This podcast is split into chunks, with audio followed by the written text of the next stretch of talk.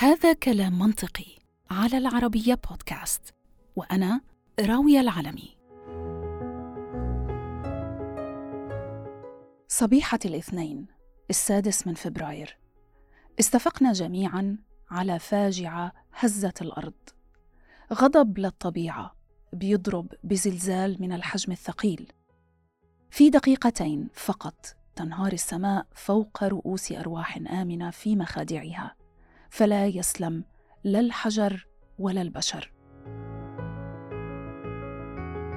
مدن وبلدات كاملة دمرت في جنوب تركيا وشمال غرب سوريا وبعد هدوء الغبار تبدأ المأساة. عشرات الآلاف دفنوا أحياء وأضعاف عالقون تحت أطنان الإسمنت بعضهم انتظر أسبوع لكي يرى النور ويتنفس ليخرج بعدها لعالم رحل منه الأحباب إلى غير رجعة. بينما يقف هو عاريا يواجه قسوة هذه الحياة وحيدا. مع مرور كل ساعة وكل يوم قصص تفطر القلوب تروى. ودموع كل من يتابع هذه المشاهد في أي بقعة من هذا الكوكب لا تجف بل تزداد انهمارا.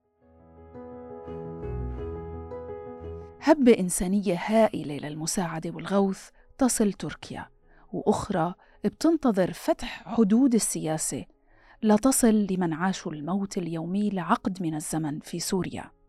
موت فوق موت ومعاناة فوق ألف معاناة. لكن حتى الموت على ما يبدو يكال بمكيالين.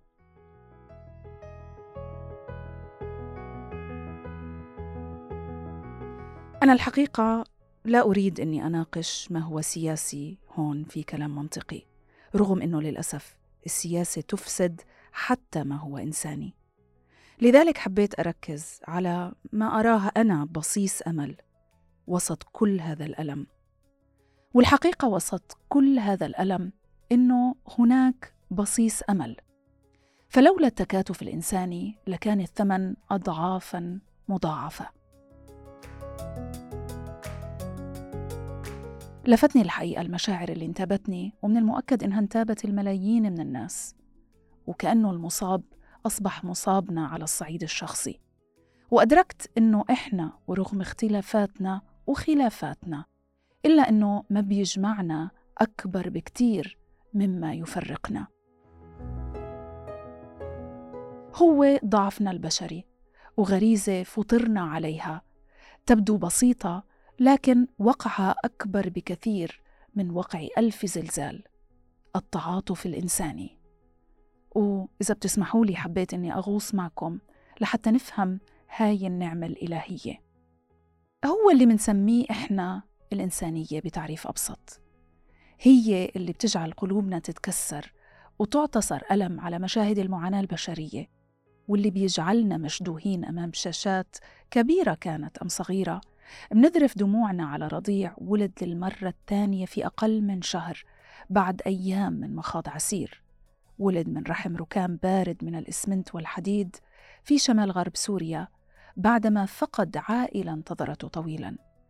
أو أنه انغص بحرقة أب على فقدان أبنائه جميعا في سقطة ما استغرقت حتى طرفة عين في جنوب تركيا. هي قوة بتدفعنا للتكاتف للتعاون للمساعدة للتضامن والأهم للعيش والاستمرارية.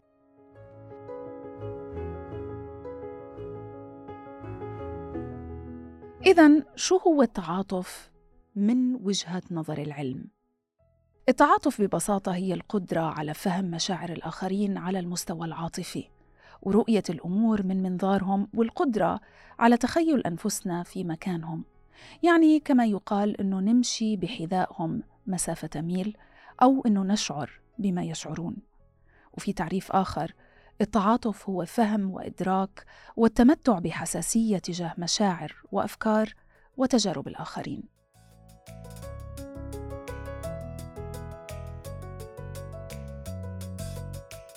قبل ما أكمل معكم متابعينا الحديث عن هاي الغريزة الإنسانية اللي كتير مهمة اللي هي التعاطف. أحب أرحب بضيفتي في الاستوديو أليس بطار اختصاصية في علم النفس والمعالجة النفسية. أهلا بك يا أليس. معنا في كلام منطقي. شكرا. أليس خلينا نبلش بسؤال عام نوعا ما. وأنا في معرض بحثي آه، عن موضوع التعاطف. آه، اكتشفت أنه بالإنجليزي في حتى مش أنه ثلاث أنواع من التعاطف ولكن في ثلاث مشاعر إنسانية بتتقاطع بأماكن معينة. لما حاولت أني أترجمها أترجم كل وحدة فيهم للغة العربية طلع لي كلمة واحدة اللي هي التعاطف ولكن بالإنجليزي هن ثلاث كلمات وهن آه، يعني مفاهيم مختلفة عن بعضهم وإن تقاطعوا في بعض الأماكن اللي هي السيمباثي والامباثي واللي هو موضوع حلقتنا اليوم التعاطف والكمباشن صحيح. شو الفرق بينهم؟ وهل كيف بيتقاطعوا مع بعضهم البعض؟ أوكي.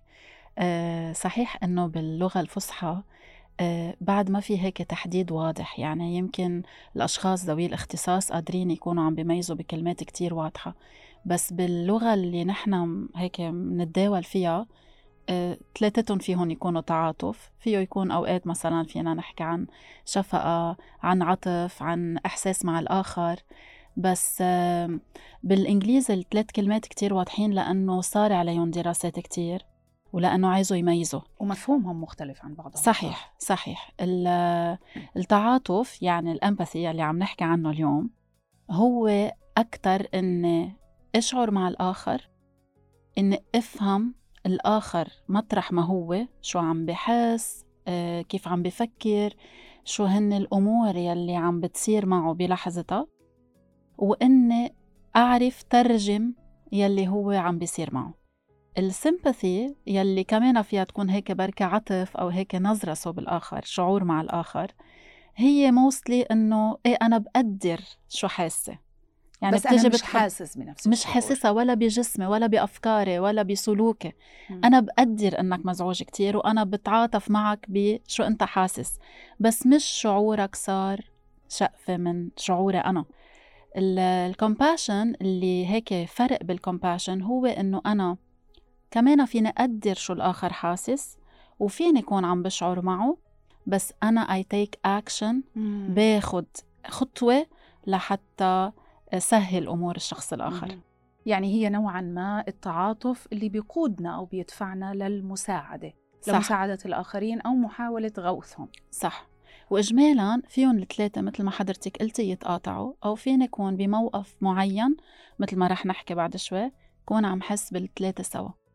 طبعا إحنا كل حديثنا مستوحى طبعا من واقعنا والواقع الأليم اللي عم نشهده لنا آه، فترة لنا عدة أيام أكثر من أسبوع وربما لما تنزل هاي الحلقة رح يكون أكثر من ذلك واللي هو طبعا الزلزال اللي ضرب آه، شمال غرب سوريا وجنوب تركيا. طبعا مشاهد مؤلمة جدا. ما بعتقد إنه أي حدا ما تعاطف وهو عماله بيتفرج عليها. حديثنا اليوم أنا ما بدي يعني أناقش هذه تفاصيل هذه المعاناة ولكن بدي أناقش هذه القوة الخارقة هذا العامل السحري اللي بيخلينا فعلا نقدر نحس بالآخرين وبالتالي نقدر آه، نحاول أو بيدفعنا إنه نحاول إنه نساعدهم. فعشان هيك بطلب منك إليس تبقي معنا شوي خليني أكمل آه، شرح لأعزائي المتابعين ومنتابع الحديث. أوكي.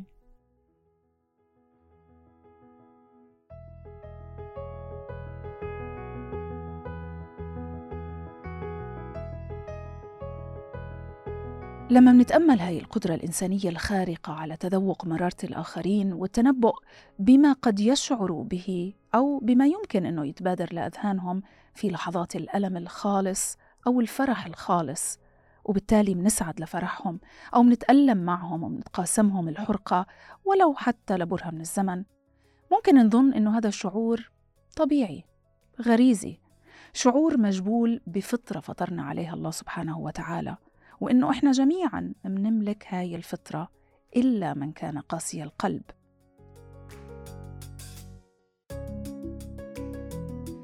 هذا الكلام يمكن يكون دقيق سطحيا إلا أنه لو خدشنا القشرة قليلا لغصنا في بحر عميق.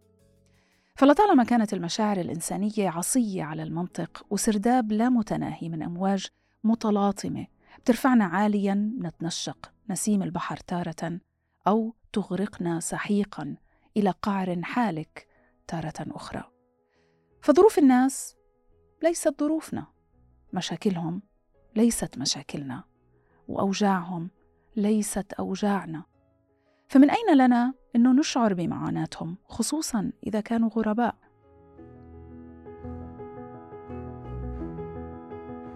لكن كما الزبد يذهب جفاء فما ينفع الناس يمكث في الأرض. ولولا تعاطفنا هذا لما تمكنا من خلق قنوات تواصل حقيقية مع الآخرين.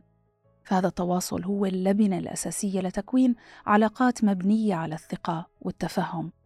ولولا التعاطف لما تمكنا أصلا من حل النزاعات سلميا ومن توثيق العلاقات والتسامح وتعزيز التعاون فيما بيننا.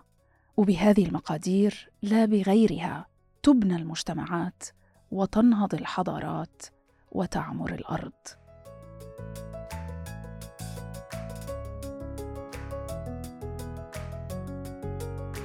اذا ممارسة هذه القوة الخارقة تجاه بعضنا البعض من مصلحة الجميع.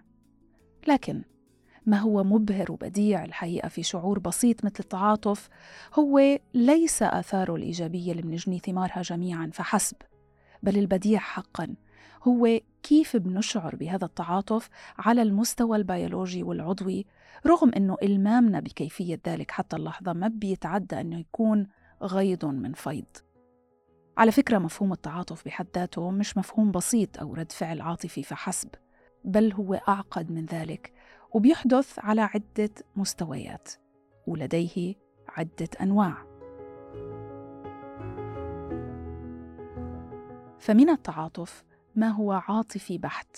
فعلى هذا المستوى إحنا بنشعر بما يحسه الآخرون من فرح وألم وحب وخوف. وهي المشاركة العاطفية ممكن تكون على أرض الواقع كهاي المشاعر اللي بتنتابنا أمام مشاهد الزلزال اللي ضرب تركيا وسوريا مؤخرا. لكن المشاركة أيضا ممكن تكون في عالم الخيال كالبكاء حزنا أو فرحا على أحداث أو شخصيات مسلسل خيالي. أو الشعور بالتوتر والخوف أمام مشاهد فيلم رعب أو إثارة.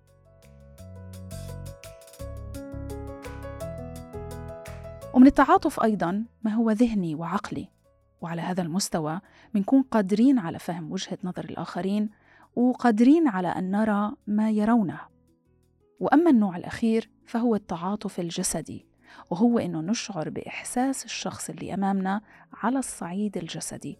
كالشعور بالغثيان مثلا لما منشاهد شخص بيرتسم القرف مثلا على محياه من منظر مقزز أو رائحة إحنا أصلا حتى مش شامينها. نرجع لحديثنا إليس. إذا من الواضح أنه في آه، عدة أنواع من التعاطف. أو التعاطف بيصير على عدة مستويات زي ما ذكرنا في مستوى عاطفي جسدي وعقلي. هل ممكن إنه إحنا نشعر بالثلاثه مع بعض؟ أو هل آه، يعني لزاما إنه يكونوا الثلاثه مرادفين مع بعضهم البعض؟ أم ممكن إنه مثلا نفهم أفكار شخص ولكن ما نحس بشعوره؟ أو نحس بشعوره عاطفيا ولكن ليس جسديا بهي الطريقة. okay. صحيح مثل ما قلت في ثلاث أنواع من التعاطف. في عنا التعاطف الجسدي يعني أنا بجسمي بقدر أشعر physically شو الآخر عم يشعر؟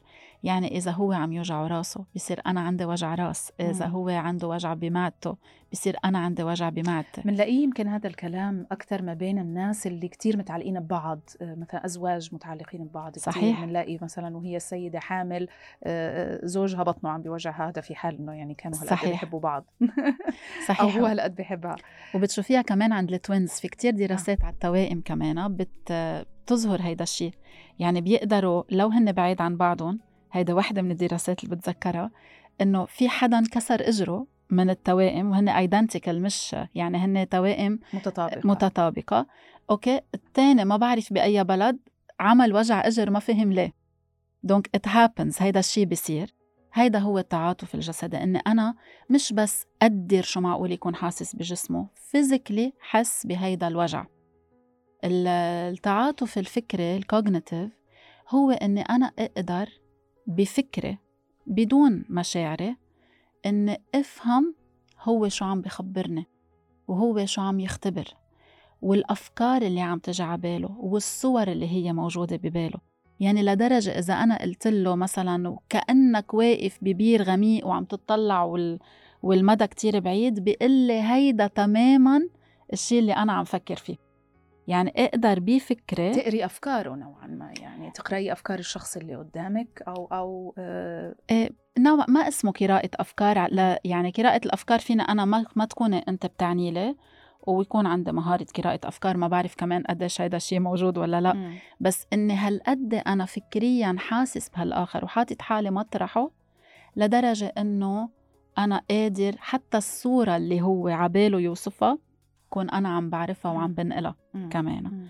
أوكي؟ والتعاطف الانفعالي هو اللي هو العاطفي. الشعور.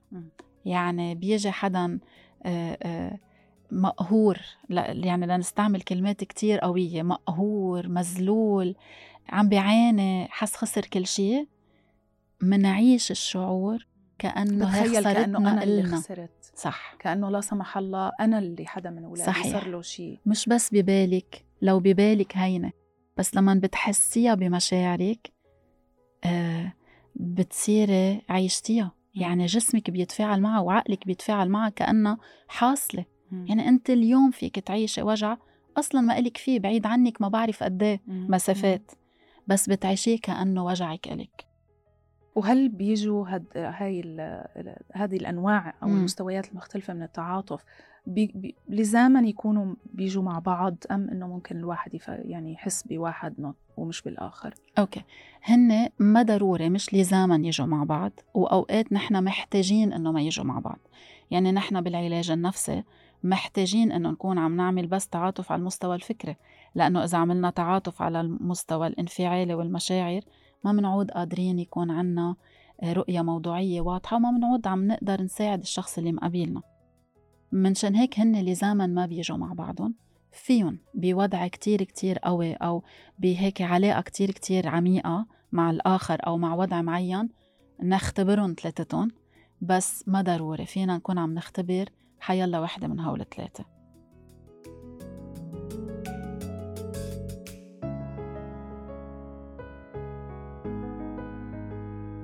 لكن السؤال هو كيف بيحدث هذا؟ وهو سؤال الحقيقة حير علماء النفس وأخصائيي المخ والأعصاب وحتى الفلاسفة على حد سواء. كلهم تساءلوا كيف إلنا أنه نتفاعل على المستوى الحدسي مع أفعال الآخرين اللي لا تمسنا أصلاً؟ وكيف إلنا أنه نفهم بشكل مباشر وغريزي أفكارهم ومشاعرهم ونواياهم؟ حتى بدأت الإجابة على هذا السؤال تتكشف في عام 1996 لما قام فريق علماء إيطاليين بقيادة جياكومو ريزولاتي وفيتوريو غاليز باكتشاف وبالصدفة خلايا عصبية من نوع فريد وهم عم بيدرسوا أدمغة الفئران باستخدام تكنولوجيا التصوير الدماغي. لاحظوا أنه هاي الخلايا العصبية بتتفعل وبتنشط مش بس لما بيقوم الفأر بعمل ما ولكن أيضا لما بيشاهد فأر آخر بيقوم بنفس الفعل. ومن بعدها تم إجراء دراسات على البشر لتتطابق الصورة في أجزائها رغم فارق التعقيد ما بين أدمغتنا وأدمغة الفئران. وهون ولد مصطلح جديد في عالم علم الأعصاب وهو الخلايا العصبية المرآتية أو mirror neurons. أدمغتنا مليئة بالخلايا العصبية وهي خلايا متخصصة. بتقوم ببث وتوصيل إشارات وأوامر عبر جهازنا العصبي المركزي وأي من أعضاء الجسم الأخرى والعضلات. وتقريبا يوجد حوالي 100 مليار تخيلوا من هاي الخلايا العصبية في الدماغ وكل وحدة من هاي الخلايا بتتواصل عن طريق الموصلات العصبية مع مثيلاتها ومع خلايا ذات اختصاصات أخرى ملايين المرات في كل لحظة.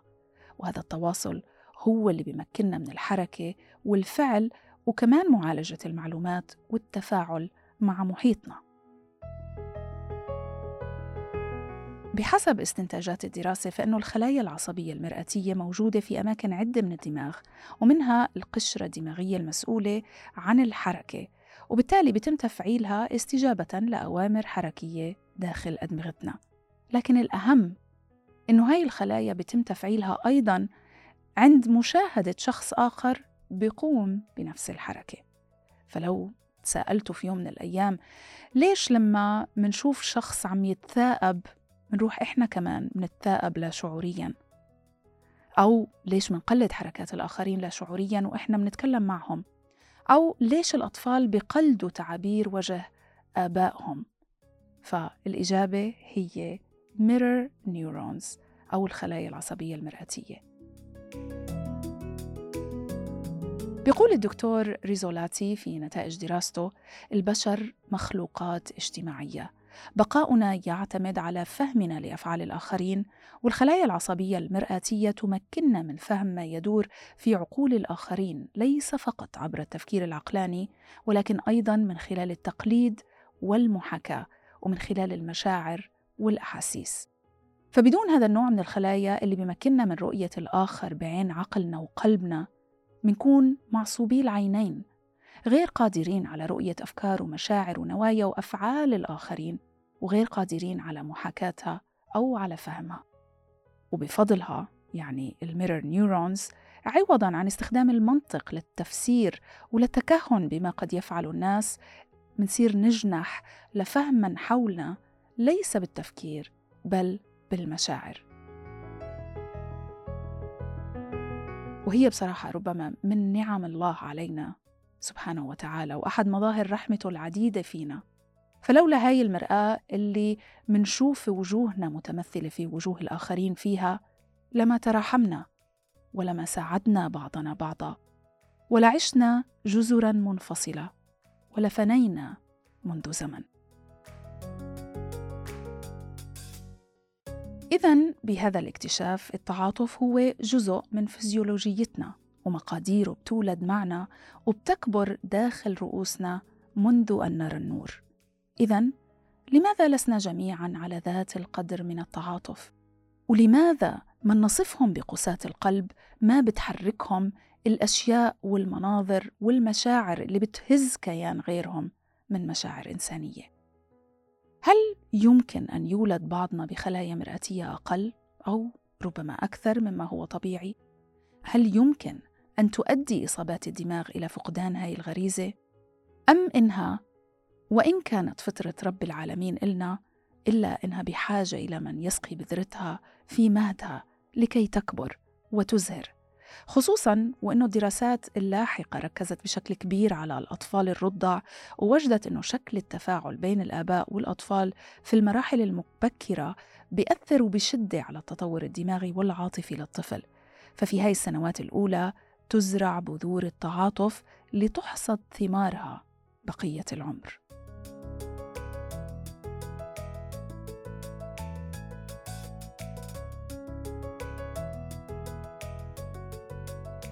الحقيقة إليس إنه أنا عم بعمل آه، البحث لهي الحلقة يعني بعيدا عن المشاعر والدافع اللي خلاني أصلا أعمل آه، عن هذا الموضوع تحديدا. اندهشت من فكرة إنه آه، في خلايا عصبية متخصصة اللي هي الخلايا المرآتية اللي بتخلي بتمكننا إنه إحنا نشعر مع الآخرين ونتعاطف معهم على كل الأصعدة. ويمكن كمان نحول هذا التعاطف لكمباشن زي ما كنا عم نحكي يعني الدافع للمساعدة والغوث. عن جد إنه شيء مدهش جدا. آه ف يعني كأنه كل حدا فينا عنده هاي التشيب في دماغه اللي بتأهلنا إنه آه نكون آه أكثر تعاونا أكثر فهما للآخرين وبالتالي بيضمن استمرارية مجتمعنا وبيضمن بنائه أصلا بالدرجة صحيح. الأولى. ولكن مع هيك إذا بنطلع على هذا العالم اللي إحنا عايشين فيه ما بنشوف كل الناس متعاطفين كل الوقت وما بنشوف كل الناس متعاطفين مع كل الناس. هل بالفعل البعض منا خلق بمثلا خلايا عصبية مرآتية أقل؟ أو يمكن أكثر أو, أكتر. أو إنه صار في أي خلل ب... ب... لو صار في خلل بالدماغ الإنسان ممكن إنه يذهب من هذا التواصل والتعاطف الكبير ل يكون كأنه جزيرة معزولة لا تشعر بأي أحد حولها. هل يمكن هذا الكلام يصير وكيف؟ أوكي. رح بلش بموضوع الخلايا العصبية المرأتية. بتعرفي كيف يلي بعد ما صار أمير وخلص كل الشعب سماه أمير؟ يعني إجوا كتير دراسات حكوا عن هيدا الخلايا العصبية المرأتية. وبعد ما في شيء بيأكد إنه هي ها هي وهيدا مطرحها وهيك بتأثر ويقدروا يعني هي دراسات لسه بأولها هي دراسات بس قديش الأشخاص اللي درسوا واللي انتبهوا على هيدا الشيء حسوا إنه هيدا الموضوع حقيقي وحسوا إنه فسر كتير أمور علم النفس الاجتماعي وعلم النفس العيادي كان بحاجة يفهمها مثل كأنه إجا هيدا الجواب يقول هون. هون الجواب على كل التساؤلات هنا يسكن التعاطف صحيح وعلى فكرة الإدمان كمان أنا هذا الشيء برضو فاجأني. بأنه هي نفس الخلايا العصبية اللي مسؤولة عن التعاطف هاي الخلايا المرآتية أيضا لها دخل كبير صح. بال... بالإدمان مع أنه شو علاقتهم. الاثنين مع بعض هيدا ال هيدا شو بيقولوا عجيبة الدماغ الإنساني وهالكومبلكسيتي هال معقد جدا أكيد مم. أكيد ف آه، كل الدراسات رايحة صوب إنه إيه في خلايا مرئتية وهي اللي من خلالها بنفسر كتير كتير سلوكيات وتعاطف مثل ما أنت قلت وأصلا قبل ما يكون في موضوع الخلايا كان إذا بدنا نحكي عن تطور الطفل مم.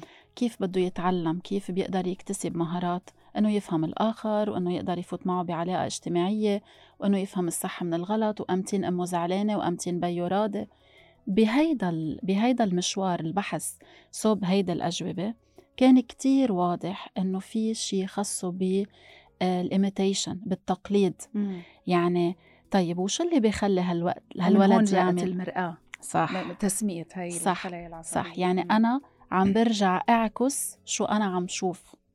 ليش برجع بعكس شو أنا عم شوف؟ أول شي لأنه عم بتعلم. تاني شي لأنه أنا بحاجة أفهم اللي عم شوفه. تالت شي لأنه أنا بحاجة الآخر لما أنا عم بعكس شو عم شوف يتطلع ويقول آه هي في هيك شوية أفينيتي يعني شوية هيك تواصل بيني وبينه. فبكسب الآخر. يعني إذا وبحتى هيدي شغلة كتير بحبها. لما أنت نقول أنا وأنت قاعدين okay؟ ومنحس إنه هيك في مثل ما بيقولوا flow ماشي آه، فيك تكوني غيرت شي بقعدتك وكون دغري يعني ثانية من بعده غيرت نفس الشي فهيدا الشي كمان بنلاحظها دايما مية بالمية. الناس بتقلد بعض لا شعوريا صح. عم بيحكوا مع بعض بحركاتهم صح. حتى ب- باختيارهم للكلمات في بعض مهم. الأحيان خصوصا إذا الشخص عن جد عنده قيمة بالنسبة لإلي أو عنده تأثير علي مم. إذا حدا ما ما بيهمني أمره أو حتى أوقات إذا حدا أنا كتير مزعوجة من وجوده ما ما بفوت بهيدا التقليد الجسدي إذا بدك فلنرجع على موضوع إنه إيه في أكيد أسباب وخلايا بالدماغ بتأثر على هيدا ال- التعاطف. هي ممكن تكون المسبب تبع هيدا التعاطف. في ناس عندهم ناس ما عندهم ما معقول. يعني نحن تكوينة الدماغ عنا هي ذاتها بتفرق آه، بالأكثر والأقل. مم. واحد. اثنين اللي بيأثر على تطور ونمو شيء معين بدماغنا أو سلوك معين. أو طبيعة معينة أو آه، شخصية معينة هو البيئة التربية آه، مع مين أنا تواصلت آه، شو كانوا مراكز الاهتمام اللي أنا تعرفت عليها بحياتي اللي أنا انعرضت قدامي. عم بحكي أنا كطفل لأنه مم. بعدين لما نكبر okay فينا نحن نكون مسؤولين عن خياراتنا. بس نحن وصغار يعني إذا الولد تنقول ما بحياته عارف شو يعني basketball ما في يكون عنده اهتمام بال basketball مم. بوقت إذا مثلا أهله كل الوقت عم ياخدوه على ال football رح ينمي المهارة بالمطرح اللي هو. آه، فإذا هو ما شاف أو ما شهد تعاطف أو مظاهر تعاطف ببيته بعيلته ما بين أهله وما بين أهله والآخرين هو ما رح يتعلم هذا التعاطف ومش بس ما بين أهله لما الأهل يفرجوه لإله. إنه هن متعاطفين معه ولما هو يفرجيهم إنه في تعاطف وهن يستقبلوا هيدا الشيء مش إنه يهملوه ي- يسخفوه. لما نعزز هيدا الشيء أنا إني أقشع الآخر عم يتعاطف معي؟ أنا الولد. وأنا أتعاطف مع الآخر والآخر يستقبل هيدا الشيء كون عم ساهم بطريقة كتير مباشرة بإني طور هيدا التعاطف وبمرحلة لاحقة لما أشوف أهلي كيف عم يتعاطفوا مع بعضهم كيف إن علاقاتهم مع الأشخاص قديش مهم الآخر وشو حس وقد مهم إني أنا كون ب- بتربيتي منطلق صوب الآخر و... وهيك عاطيه حيز بحياتي. إني أكون عم. بهتم فيه إذا بدك هيدا الشق الإنساني مم. وهي بشكل عام البيوت اللي فيها محبة ومودة ودفء بتنتج زرع أنجح بكتير وأطفال أنجح صحيح وأكثر تعاطف وأكثر رحمة بشكل عام ومع هيك بتلاقي في فروق ما بين الإخوة صحيح هاي يمكن آه، موضوع حلقة تانية اللي هو كيف ممكن آه، طفلين آه، أو شخصين ربيوا بنفس البيت مع نفس الأهل تحت نفس الظروف في. نفس البلد ولكن بيطلعوا مختلفين تماما عن. بعض مش بس بشخصياتهم حتى بمبادئهم في بعض. الأحيان وهذا ينطبق كمان على موضوع التعاطف بتلاقي بنفس البيت اللي آه، الأطفال فيه ربيوا بنفس الأخلاق وعلى نفس المبادئ بتلاقي فيه أطفال متعاطفين أكثر بكتير أو ناس عندهم هذا الحس عالي آه، من إخواتهم الآخرين اللي ربيوا بنفس الطريقة كيف ممكن هيك؟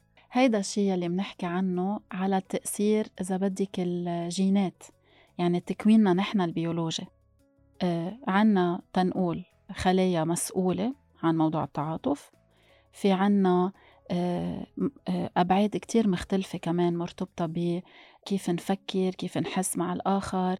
هل يا ترى أنا قادر أن أعمل هالانطلاقة صوب الآخر أو لأ؟ أنا أكتر ربيت بهيك شوي character هيك بركي منعزل بركي مش كتير هممني شو عم بيصير برات آه، إطاري أنا. donc كل شيء بيولوجي جسدي أكيد كتير بيأثر. وكل شيء يعني قد ما تقولي نحن عايشين بنفس البيت ومع نفس الأهل في فروقات بالتربية ما فيك ما آه، تلحظيها على حسب ال يعني ال يمكن الظروف والمرحلة العمرية اللي كانت الأهل بمروا مية فيها بالمية لما جابوا أول مية ولد أو. ثاني ولد وثالث وفي فرق ولد. بين أول ولد علاقتي مع أول ولد والتاني والتالت واللي بعده بعد في شغلة بحب إنه هيك نحكي عنها هي إنه كمان الدراسات أثبتت إنه البنات عندهم قدرة أعلى من التعاطف من الصبيان. أها. بعد ما قدروا يعرفوا مزبوط ليه هل يا ترى هن الهرمونات يلي بتفرق بين ال- بين الرجل البنات وال- والمرأة؟ والنساء برضه البنات والنساء بشغل يعني. الإناث. عندهم قدرة على التعاطف أعلى من عشان هيك الذكور. بسمونا عاطفيين ولكن ب- للأسف بياخذوا بيأخذوا هذا الموضوع ضدنا مش مش مش شيء يحسب لنا يعني ك كإناث مع أوقات يعني برأيي ويمكن أنا شهادتي مجروحة مم. آم، هو ما يبني يعني هذا هذه هي أساسات البناء لأي مجتمع أكثر من أي شيء آخر صحيح. صحيح تخيلينا ما عنا هيدا النزعة على التعاطف بيقولوا يعني إنه أوقات هيدي النزعة وهيدول الهرمونز يلي موجودين ويلي كتير بيشتغلوا أول ما الست آه، آه، تحمل وتجيب ولدها. هن اللي بيساعدوها تتحمل كل الفترة الصعبة يلي آه، مرتبطة بالولادة وخصوصي أول أول أعماره يعني للولد. الصغير. مم. فإيماجن ما عنا إياها. تخيلي إنه نحن ما عنا هالمهارة ولا هيدي القدرة. مثل ما حضرتك قلتي شو بنعمل كيف بدنا نربي ولد ونرجع بعدين نربي أجيال ونكون عم نساهم؟ يعني اكتفلي بطريقة كتير فعالة ببناء مجتمع. هذا بقودني يمكن لسؤال آخر. آه، بما أنك ذكرتي هرمونات ال- المرأة خصوصا يعني عندما تصبح أم، عندي هيك مرآة تعكس هذا الموضوع لأنه أنا حسيت يعني أنا على الصعيد الشخصي إنسان شوي عاطفي وأعتقد أنه حس التعاطف عندي عالي لأنه هذا شيء يؤلمني. آه، يعني يمكن إشي بيوجعني أكثر من ما هو يخدمني خلينا نقول. ولكن حسيت أنه زاد كتير بعد ما أصبحت أم. هل هذا شيء يعني متداول شيء آه، طبيعي. طبيعي؟ هل إحنا بنكون غير عن فكرة إن المرأة والأمومة وما إلى ذلك هل إحنا حتى حس التعاطف عنا بيتغير على حسب المرحلة العمرية اللي إحنا بنكون فيها آه،. وحسب الظروف اللي بنمر فيها كمان. ليك على الأكيد بيس- بيعيش بنمرق بتغيرات okay إذا أنا عندي هيدي المهارة عندي إياها وبنميها إذا أنا ما عندي إياها لهيدي مهارة التعاطف فيني أكون عم بشتغل عم يعني عم آه، لأنه بكتير أوقات وبمطارح نحن بحاجة للتعاطف حتى ببيئة العمل تبعنا. بس آه إنها تزيد وتنقص إيه معقول؟ إنه يكون في عوامل عم بيأثروا إيه معقول؟ واللي أكتر بيأثر يعني إذا بدك نقول هي نسبتها عشرة ممكن اللي بيأثر هو العوامل اللي حواليها. يعني أنا بهيدي اللحظة أنا تعاطفي عشرة. بس بهيدي اللحظة مثل عندي مناعة نفسية أنا قوية جاهزة قادرة أتعاطى مع موقف يثير هالتعاطف أحسن من إذا أنا حساسة تعبانة ماري أنا علي صعوبات. فبعيش هيدا التعاطف بطريقة شوي أصعب أو شوي أعمق. فممكن العوامل اللي بتحيط بموضوع التعاطف هي كمان اللي تأثر على قد إيه عم حسه يعني مثل ما حضرتك قلتي يؤلمني يعني. على قد إيه درجة إني أشعر بهالآخر اللي مقابلة.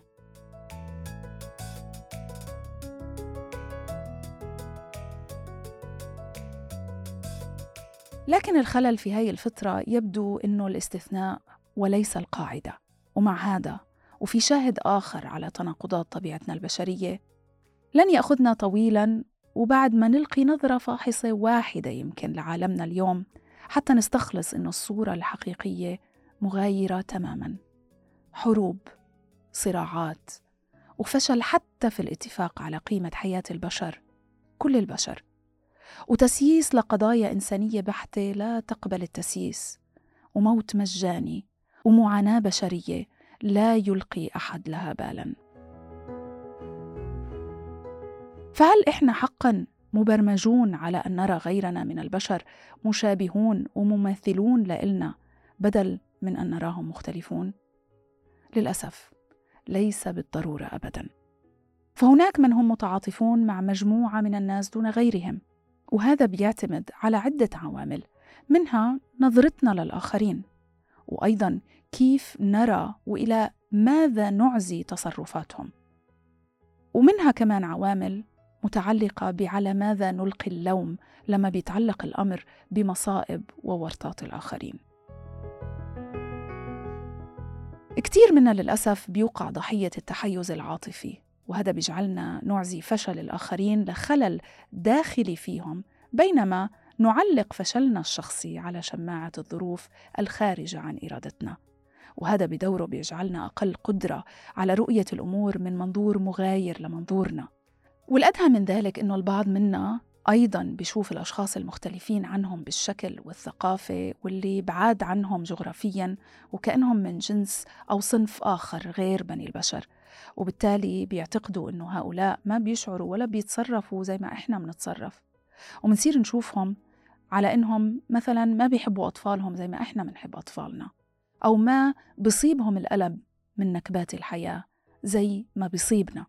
وبهيك إحنا منجردهم من إنسانيتهم.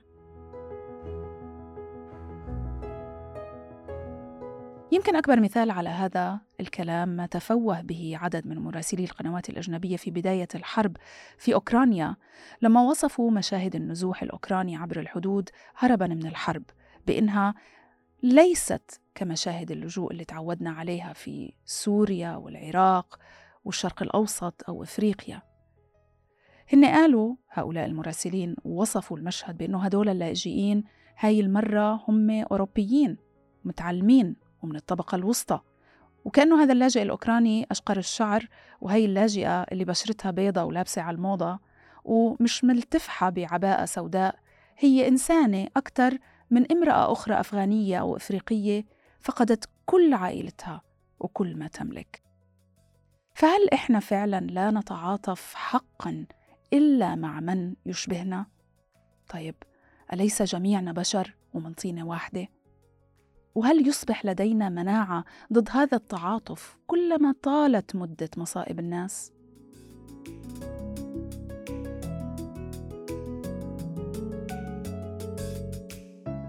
طيب خلينا نرجع هيك بنظرة لعالمنا الحالي وواقعنا فعلا إحنا لما نيجي نطلع بنقول طيب هاي الغريزة وهي الفطرة الإلهية اللي ربنا فطرنا عليها آه، وسخر لنا هدول الموصلات العصبية أو الخلايا العصبية المرآتية لحتى تكون بخدمتنا تخدمنا أكثر يعني أكثر من أي شيء آخر ومع هيك لما نطلع بنشوف حروب ومآسي وبنشوف بنشوف ناس بأمس الحاجة للمساعدة وما حدا بينظر حتى آه، لإلهم فبصير الواحد يرجع يفكر. وبقول هل فعلا إحنا على هذا القدر من التعاطف أم إنه إحنا نتعاطف مع من نعتقد إنه بيشبهنا أكثر فبتلاقي مثلا الغرب متعاطف بشكل كبير مع أوكرانيا أكثر بكثير من ما هو متعاطف يمكن على الصعيد الإنساني آه، مع الأوكرانيا والأوكرانيين أكثر من ما هو متعاطف بشكل كبير مع مصائب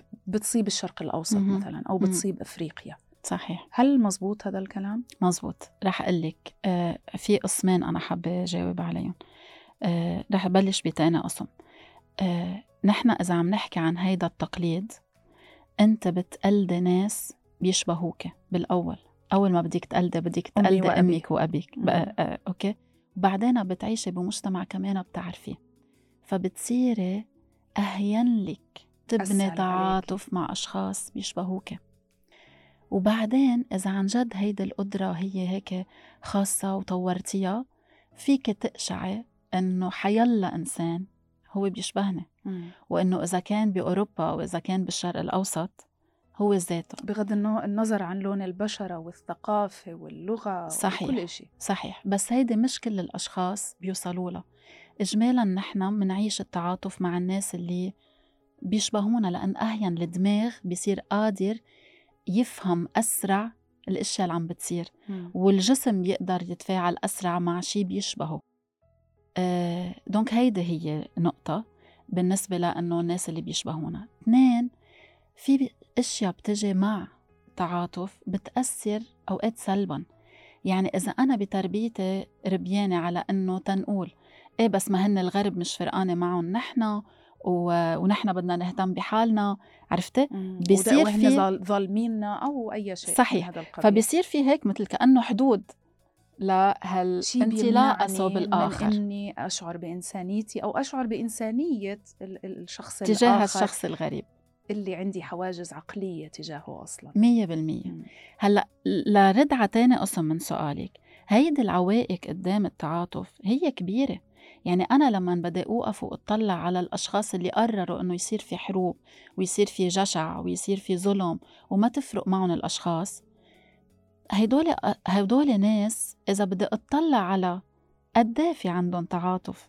قد إيه عم يستثمروا هالتعاطف؟ أصلا قد إيه بيعرفوا بالتعاطف؟ لأنه في كتير ناس درجة التعاطف عندهم كتير كتير واطية وأوقات شبه معدومة.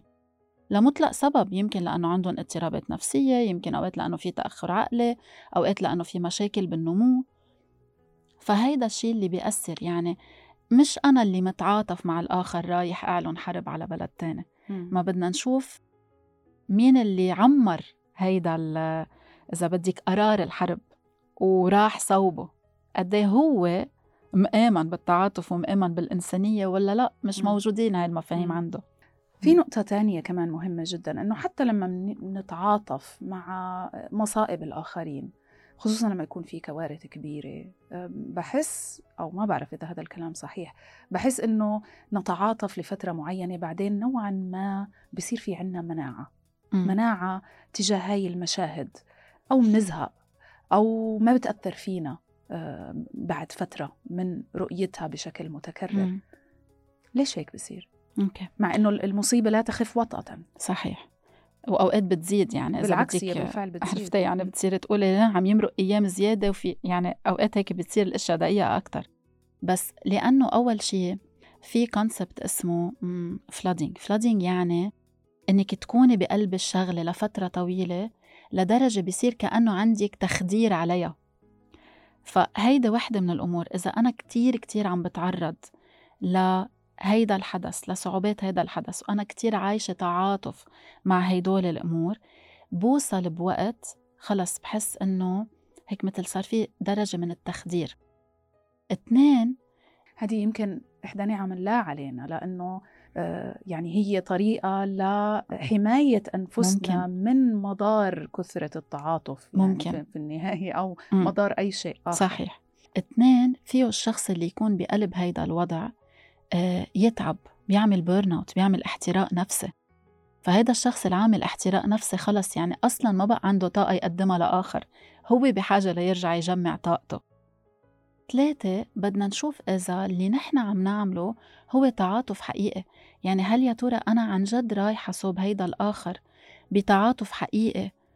أه ولا لأ أنا رايحة بس لأنه أنا بحاجة أفهم شو معقول يكونوا حسوا؟ آه، لأنه الصدمة كتير كبيرة لأنه بتذكرني بشيء أنا اختبرته بطفولتي فهيك بعيش معه انفعال قوي بس بعدين بيروح. يعني أصلا انطلاقتي صوب هدول الأشخاص وشعوري بالتعاطف معهم فيه من الأساس ما يكون عن جد تعاطف حقيقي فيه يكون لأسباب تانية. م. فلما أحصل على الجواب ولما رد على الطلب تبعي إذا بدك نفسيا ما بعود عندي هالميل للتعاطف معهم لهدول الأشخاص أو لهالأحداث.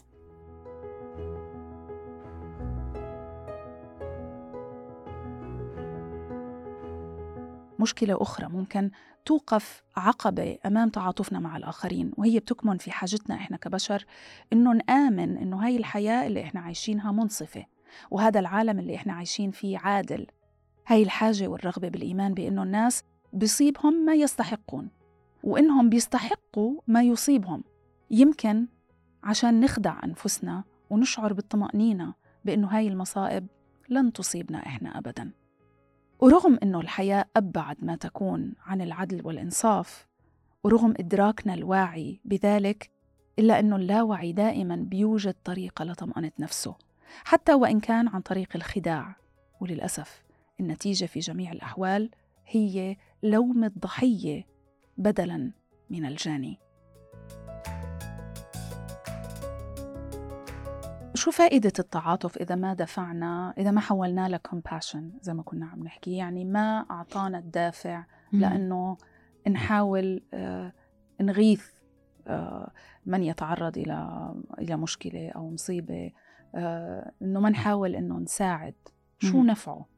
التعاطف شيء كتير مهم لأنت تفهم الآخر اللي مقابلك وتقولي له إنه أنا عم بفهمك لأنه في كتير أشخاص بحياتنا بيمرقوا ونحن يمكن منحس إنه أنا عم بختبر شي بس ما حدا قادر يفهمني ومنصير نقولها ما عم تفهموا علي.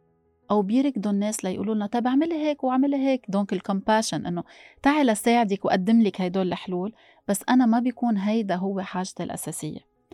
منشان هيك التعاطف هو شيء أساسي لعن جد افهم الشخص اللي مقابيلي آه، من وين منطلق؟ وشو هي حاجته؟ وشو هو طلبه؟ وأوقات بيكفي للآخر اللي مقابيله إني أقول له إني أنا فهمت عليك. بيأديه إنه ما بقى يحس حاله وحده. منشان هيك هي بحد ذاتها هيدا الشغلة كافية وقادرة تساعدني بعدين حط خطة تدخل الكومباشن تنقول بظروف مثل هالظروف اللي هلأ نحن عم نمرق فيها كمان هي لا يكفي إنه نتعاطف فقط بصراحة. مية بالمية. بكوارث طبيعية مية في ناس بالمية. بحاجة ل يعني أدنى مقومات الحياة ولا أي مساعدة صحيح. لا يكفي ابدا إنه بس نفهم ونحس معهم لازم نعمل شيء. صحيح. ورح أقول لك شيء إنه كمان منك بحاجة تتعاطفي. يعني ال empathy التعاطف ك empathy فيك ما تشعري فيه بس تروحي دغري على ال compassion عرفتي؟ على المساعدة على, على المساعدة مم. يعني أنا فيني ما أقعد ما أكون شخص قاعدة وعن جد حاسة بوجع هول الأشخاص أو عم أقول يا الله شو معقول يكونوا هلأ شعروا مم. أو هن تحت الأنقاض شو شاعرين بس بقدر روح دغري على ال compassion بقدر أقول على الأكيد المصاب أليم على الأكيد هن عم بيعانوا عم يتعذبوا لازم أعمل شيء لازم شارك بالحل مم. okay مم. هل في ناس آه، أو أنواع شخصيات معينة أو اضطرابات نفسية معينة بتجعل منا أقل تعاطفا. يعني يقال بأنه الشخصيات النرجسية غير قادرة على إنها تحس بالآخرين بالطريقة الطبيعية. Okay في اضطرابات نفسية على الأكيد ما بيكون فيها يعني أو احتمال التعاطف كتير قليل فيها. مثل الشخصيات يلي بنسميها حدودية بنسمي الأشخاص يلي آه، مش psychopath يعني م. الأشخاص اللي هيك على حدود الإجرام إذا بدك أو على حدود إني أعمل كل الأمور اللي ما بتشبه المجتمع وضد المجتمع هو أكيد و... المجرمين يعني ب... ب... أكيد إنه هن ما عندهم تعاطف وإلا ما كانوا ارتكبوا هاي الجرائم بحق أه. ناس صحيح. في أغلب الأحيان. صحيح. هلأ بالنسبة للناس اللي عندهم نرجسية بيقدروا يكونوا عم بيطوروا قدرة على التعاطف مع الآخرين. بس لأنه يعني وللأسف ويمكن مش للأسف لأنه بالآخر رح يطلع لهم لإلهم. شيء منه. يعني أنا التعاطف هو من مصلحة الجميع في. صحيح بس إذا أنا عم بحكي عن حدا عن جد نرجسي أنا بقدر كون عم بعمل تعاطف مع آخر إذا أنا إليز عندي هيدي الشخصية النرجسية. فيني يكون عندي تعاطف مع الآخرين بس بستثمر هالشي وبفعله لأنه بالآخر براسي أنا وبقناعاتي أنا رح يرجع لي لإلي بالخير. مردود عرفتي؟ ساعتها أنا إيه بقدر طور تعاطف. مش بس لأنه عم روح فيه صوب آخر. أوكي. كيف بنقدر نعلم أنفسنا نكون أكثر تعاطفا إذا هذا الدرس ما تعلمناه وإحنا صغار؟ ليكي مجرد ما نحن عنا هيدا الهم يعني في شيء فينا رايح صوب هالتعاطف. يعني إذا أنا بدي أقول كيف بدي أتعلم أتعاطف يعني أنا جاهزة. منقدر نكون عم نفهم أكتر الأشخاص عم نجرب نسأل آه، طب شو عم بتحس؟ شو عم بتفكر؟ عم نجرب نشوف إنه قبل ما نركض صوب النصيحة أو صوب الفعل نسأل الآخر هو شو حاجته نجرب نفهم هالشعور مرئين نحن فيه مش مرئين نحن فيه شو بيشبه؟ يعني فينا نعمل هيدول التمارين الصغيرة لحتى نقدر نكون أكتر عم نتعاطف مع الشخص يلي مقابلنا in case we need it بحال حزنة لأنه إني ربي تعاطف بس بس تيوجع لي قلبي بعدين منه هيدا الشيء اللي آه، كتير إيجابي. إذا أنا بدي أكون عم نمي مهارة التعاطف أنا بدي أكون عم بعرف كمان وين عم بستعملها وكيف عم بستعملها وكيف عم بنتبه على حالي. أنا كيف عم بستثمرها كمان. صح. بما أنك ذكرتي وجع القلب إحنا عم نذكر آه، محاسن وفائدة التعاطف في بناء المجتمعات والتواصل مع الآخرين والتعاون. بس هي في إلها مزالق وإلها كمان مساوئ. خصوصا مثلا لكتير ناس من اللي بيعملوا بالقطاع الطبي. مش قادرة أتخيل يعني آه، ناهيكي عن مصاب اللي تأثروا بهذا مم. الزلزال. من فقد ذويه من فقد كل شيء من اللي فقد اولاده كمان مش قادرة أتخيل آه، وجع اللي عم بيساعدوهم اللي هن فرق الإنقاذ الطاقم الطبي اللي بيوصل الليل والنهار الآن. آه، علشان يحاول يقدم يعني أي مساعدة كانت في في إسعاف آه، هؤلاء.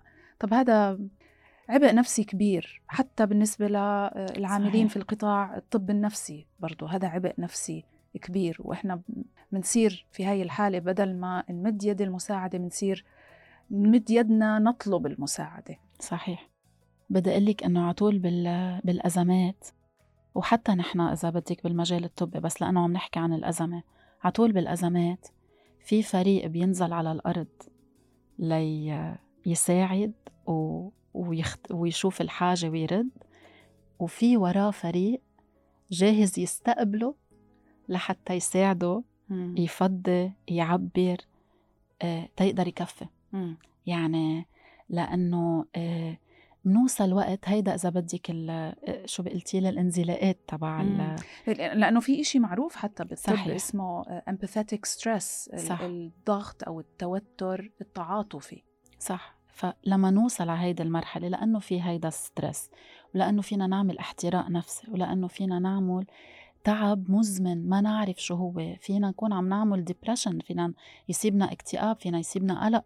من بعد هيك تعرض هالقد حسيس ل آه، صعوبات ومشاهد صعبة كتير وشو بدي بالمشاهد؟ لاختبارات ناس مؤلمة.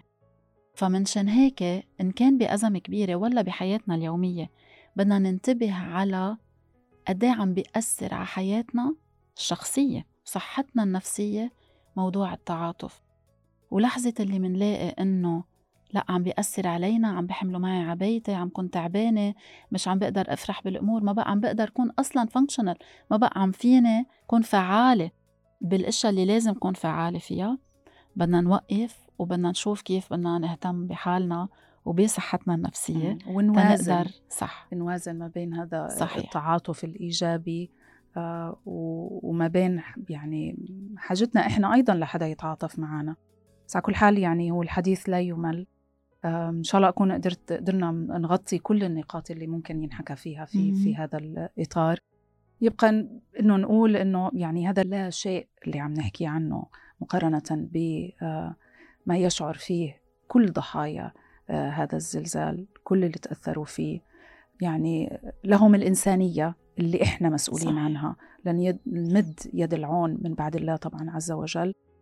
ويعني بتمنى أنه أكون على الأقل ألقيت ضوء على جانب مختلف يمكن من آه، تغطية العربية واهتمامي أنا الشخصي بهاي الكارثة وتبعاتها. بشكرك جزيل الشكر إليس على وجودك معنا في كلام منطقي. ثانك يو شكرا. شكرا. في ختام حلقتنا. من الواضح أنه جذريا وعلى المستوى القاعدي هناك عاملين بيأثروا على قدرة البشر على الشعور وممارسة التعاطف وامتلاك الدافع للمساعدة. وهم الجينات والتربية أو البيئة. فالآباء بيورثوا أبنائهم جينات وخصال بتساهم في تشكيل شخصيتهم. ولكن ربما الأهم في هاي المعادلة هي العامل الآخر وهو عامل التربية والبيئة. فإحنا لا يتم تربيتنا من قبل أهلنا بس. إحنا منتربى ومنتعلم من مجتمعاتنا ومن ثقافاتنا ومن مدرستنا ومن أقراننا كمان. وفي نهاية المطاف الطريقة اللي بننظر فيها للآخرين واللي بنتعامل فيها معهم هي انعكاس وشاهد على المبادئ والأخلاق اللي إحنا تربينا عليها منذ نعومة أظفارنا. فإحنا لا نحصد إلا ما نزرع. هذا كلام منطقي على العربية بودكاست وأنا راوية العلمي. أشكركم ودمتم دائما بأمان. بإذن الله.